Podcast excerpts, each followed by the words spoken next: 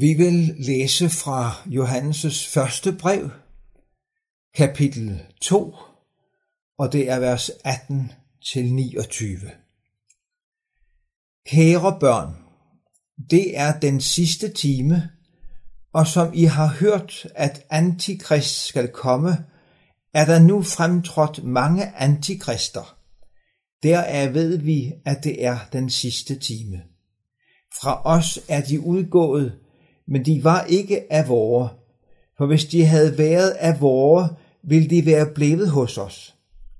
Men det er sket for, at det skulle blive klart, at ingen af dem er af vore.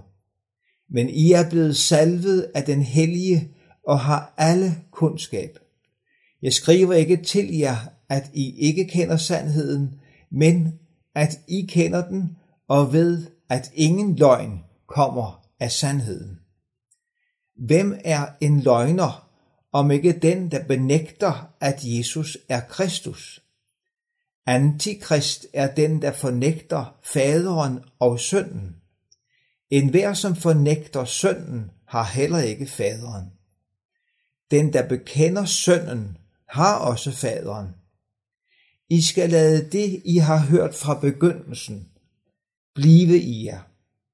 Hvis det, I har hørt fra begyndelsen, bliver i jer, vil også I blive i sønnen og i faderen. Og det er det løfte, som han har givet os, det evige liv. Dette har jeg skrevet til jer om dem, der vil føre jer vild, men i jer bliver den salve, I har fået fra ham, og I har ikke brug for, at nogen skal lære jer noget. Men da hans salve lærer jer alt, og det er sandt og uden løgn, skal I også blive i ham, sådan som den har lært jer. Og nu, kære børn, bliv i ham, for at vi kan have frimodighed, når han åbenbares, og ikke skal stå med skam over for ham ved hans genkomst. Når I ved, at han er retfærdig, forstår I, at enhver, som gør retfærdigheden, er født af ham. Først et lille spørgsmål om, hvornår begyndte de sidste tider. Og der er svaret, at det gjorde de for længe siden. Helt tilbage til apostlenes dage. Som vi læste til at begynde med, kære børn, det er den sidste time. Og vi har det også nævnt andre steder i Bibelen, for eksempel i Hebræerbrevet kapitel 1, står der i begyndelsen om, hvordan Gud har åbenbaret sig, og nu har han gjort det ved dagenes ende, har han talt til os gennem sin søn, står der. Ved dagenes ende har han talt til os gennem sin søn, og det vil jo sige Jesus. Altså dagens ende begyndte øh, så at sige med Jesu fødsel. Og siden dengang, så har antikrister gjort sig gældende, skriver Johannes. Antikrister, hvad er det for noget? Ja, selve ordet antikrist består af to ord, anti og krist, altså Kristus, og anti betyder imod, eller i stedet for. Altså nogle, der er imod Kristus, eller i stedet for Kristus. Det er antikrist. Hvad kendetegner så antikrists ånd? Ja, vi kan konstatere, at Johannes knytter antikrist sammen med løgnen. Og øh, og det samme ser vi også andre steder i Nyt Testamente, for eksempel i Paulus' andet brev til Thessalonikerne, kapitel 2, vers 11 og 12, hvor der står, Derfor sender Gud vildfarelsens magt over dem, så de tror på løgnen, for at alle, der ikke er kommet til tro på sandheden, men fandt behag i uretfærdigheden, skal blive dømt. Antikrist og løgnen hører sammen. Og hvad går så den løgn, som hører sammen med antikrist, dybest set ud på? Jo, den drejer sig om synet på Jesu person. Eller nærmere betegnet, antikrist benægter, at Jesus er Kristus. Vi læste det sådan i vers 22. Hvem er en løgner, om ikke den, der benægter, at Jesus er Kristus? Og her i ligger jo, at antikrist fornægter, at Jesus fra Nazareth, at han er den salvede, at han er kongen, at han er profeten, at han er den ypperste præst, som det gamle testamente taler om skulle komme. Eller med andre ord, han er Messias. Og at denne Jesus, som er fuldt ud menneske, han er samtidig Guds søn. Ja, han er sønnen. Jeg synes, der er, står sådan et dejligt vers senere her i Johannes' første brev, kapitel 5, vers 11, hvor han skriver, og dette er vidnesbyrdet, at Gud har givet os det evige liv, og det liv er i hans søn. Den, der har sønnen, har livet. Og lidt senere i samme kapitel, vers 20, han, det er om Jesus, han siger det, han er den sande, den sande Gud og det evige liv. Ja, det står der om Jesus. Han er den sande Gud, og Gud står med stort G. Han er fuldt ud Gud og det evige liv. Og dette er der mange, der fornægter. Fornægter enten, at han er fuldt ud Gud, eller at han er fuldt ud menneske på samme tid. For eksempel ved vi, at Jehovas vidner ikke vil sige, at Jesus er Gud med stort G. Nej, de vil sige, at han er mindre end Gud, end faderen, og man skal heller ikke tilbede ham. Stik i strid med, hvad Guds ord lærer os. Om disciplene læser vi, da de kom til det bjerg i Galilea, hvor Jesus havde sat dem stævne efter opstandelsen. Da de så ham, tilbad de ham. Og det er ordet for at tilbede Gud, der bruges der.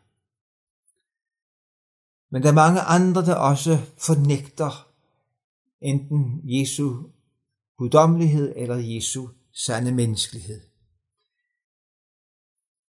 Islam er den religion, der allertydeligst tager afstand fra Bibelens budskab om Jesus. Alle har ingen sønner, siger islam. Så derfor kan Jesus ikke være Guds søn. Han er en af islams profeter, påstår man.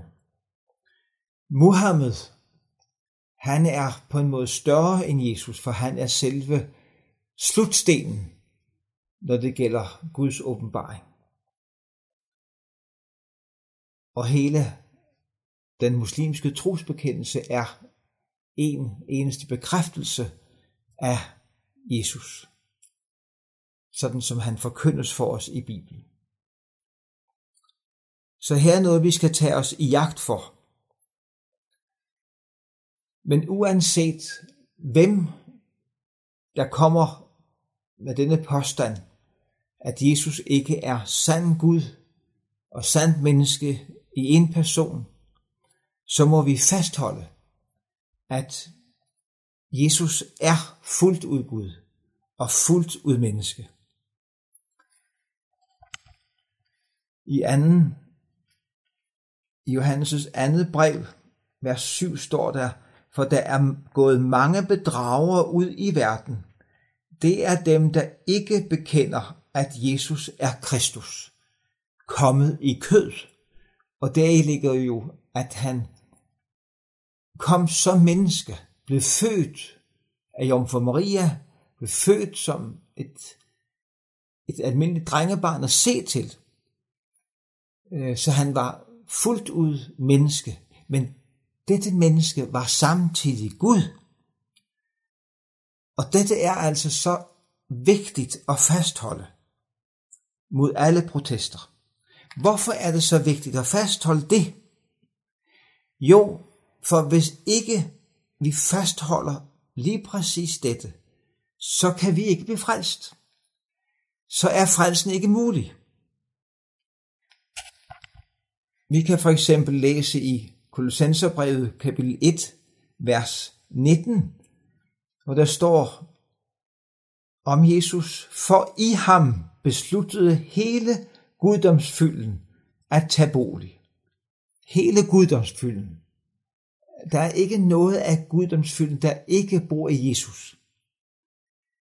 Og så kommer det, og ved ham, netop som den han er, fuldt ud Gud, at forsone alt med sig, på jorden som i himlene, ved at stifte fred ved hans blod på korset. Se, sagen er jo den, at hvis denne faldende menneskehed og Gud skulle kunne mødes, så måtte der ske en forsoning. Og hvem er stor nok til at bringe det offer i stand, som en sådan forsoning kræver? Det er der intet menneske der. Ikke det største og mest unikke menneske. Det, ikke det fineste menneske. Der er kun én, der magter den opgave. Og det er Gud selv. Gud selv måtte give sit liv, hvis der skulle kunne ske en forsoning mellem os og Gud. Hans blod måtte udgydes for vores synder. Og sådan står det jo så også mange andre steder, øh, at der er nøje sammenhæng mellem Jesu blod og det, at vi kan møde Gud. For eksempel i Hebræerbrevet kapitel 10 og vers 19 og 20, hvor der står, Brødre, ved Jesu blod har vi altså frimodighed til at gå ind i helligdommen, ad den nye levende vej, som han har åbnet, Ingen andre end han, Jesus, har åbnet for os gennem forhænget, det vil sige ved sit jordiske lægeme. Og vi har i ham en stor præst over Guds hus. Ja, det er sandt.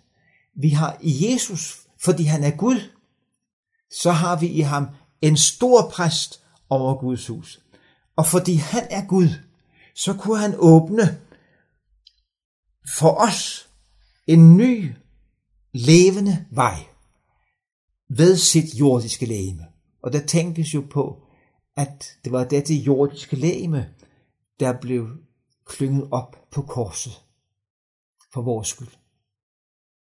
Der er sammenhæng mellem dette, at vi med frimodighed kan gå ind for Guds ansigt i helligdommen, og så Jesu blod og hvem Jesus er.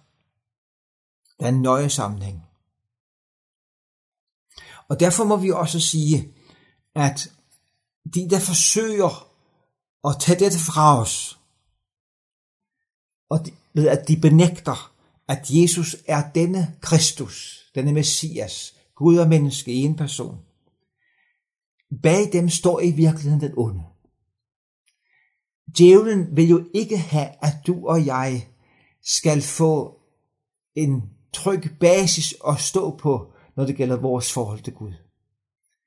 Han kan ikke lide, at der fortælles om, at Gud gav sit liv på korset.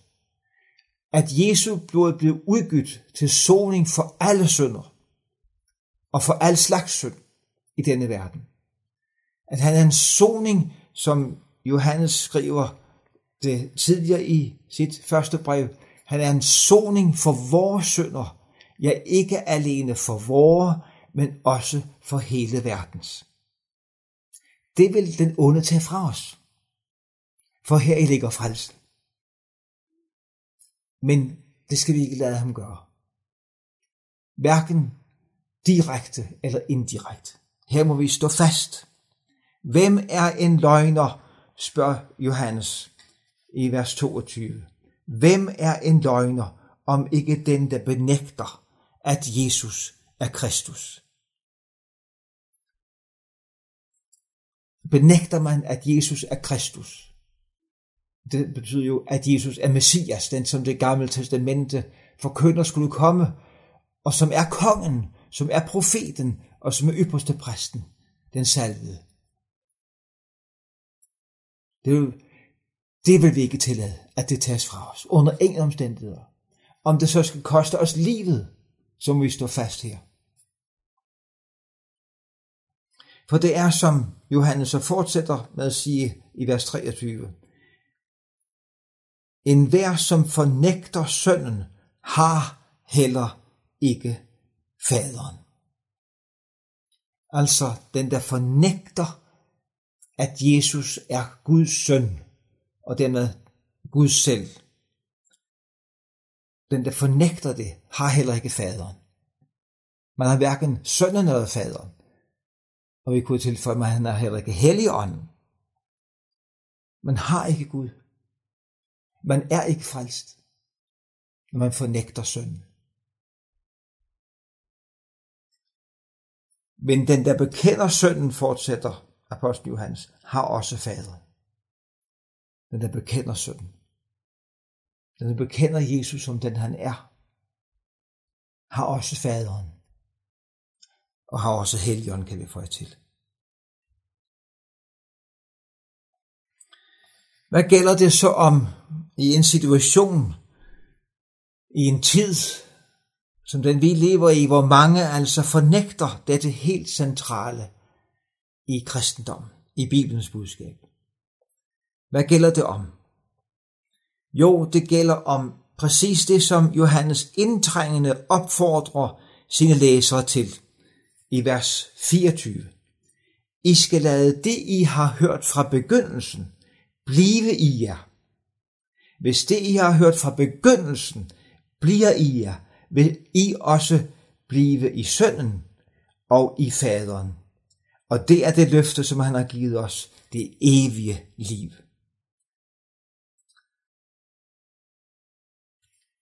Her skal vi stoppe op og tage det til hjertet og opmuntre hinanden til at blive ved evangeliet, sådan som vi fik det forkyndt første gang, som det store og herlige og frigørende budskab om den Jesus, der forlod sin herlighed hos Gud og tog tjenerskikkelse på at blive menneskerlig og blev lydig indtil døden, ja døden på et kors. Blive ved det, der har vi evigt liv, uanset hvad vores følelser så fortæller os. Fordi her kommer det an på, hvad vi tilegner os i tro på Guds ords grund. Det står så fint i Hebræerbrevet kapitel 3, vers 14. For vi har del i Kristus, hvis vi indtil det sidste holder urokkeligt fast ved den tillid, vi havde i begyndelsen. Her er det også noget med begyndelsen. Sådan så vi tog imod Jesus første gang og troede os frelst af noget, for intet, uden modydelse. Sådan skal vi fortsætte. Så har vi del i Kristus. Og i Kolossenserbrevet kapitel 2 står der også så dejligt, vers 6 følgende. Når I nu har taget imod Kristus Jesus Herren, så lev i ham, rodfæstet i ham, opbygget i ham, grundfæstet i troen, som I har lært det, overstrømmende i jeres tak. Og han fortsætter Paul, se til, at ingen fanger jer med filosofi og tomt bedrag, der bygger på menneskers overlevering, på verdensmagter og ikke på Kristus, for i ham bor hele guddomsfylden i kød og blod. Og her skal vi altså stå fast. Det er menneskers overlevering, det er menneskelig filosofi, det er tom bedrag, de kommer med, som benægter, at Jesus er Kristus, Gud selv kommen i kødet. Og vi afviser den i Jesu navn og holder os til Jesus, som den han er, og lever vort liv i ham. Gud velsigne os til det. Lad os bede. Ja, kære Gud og far i himlen, du kender os. Du kender den, der lytter. Du kender mig. Du kender den tid, vi lever i. Du ved om, at mange falske profeter er ude med deres falske budskab. Og bag dem står den onde selv, forstår vi. Fordi han vil ikke, at vi skal holde os til Jesus og evangeliet om Jesus og blive frelst. Vi beder dig om, Herre, at du vil velsigne os til at stå imod. I Jesu navn stå fast og hold os til det, som dit ord har åbenbaret for os. Blive ved det, som vi blev frelst ved første gang. Hold fast ved evangeliet om dig, Jesus. Du som er synders ven. Jeg vil sige os til det for din egen skyld. Amen.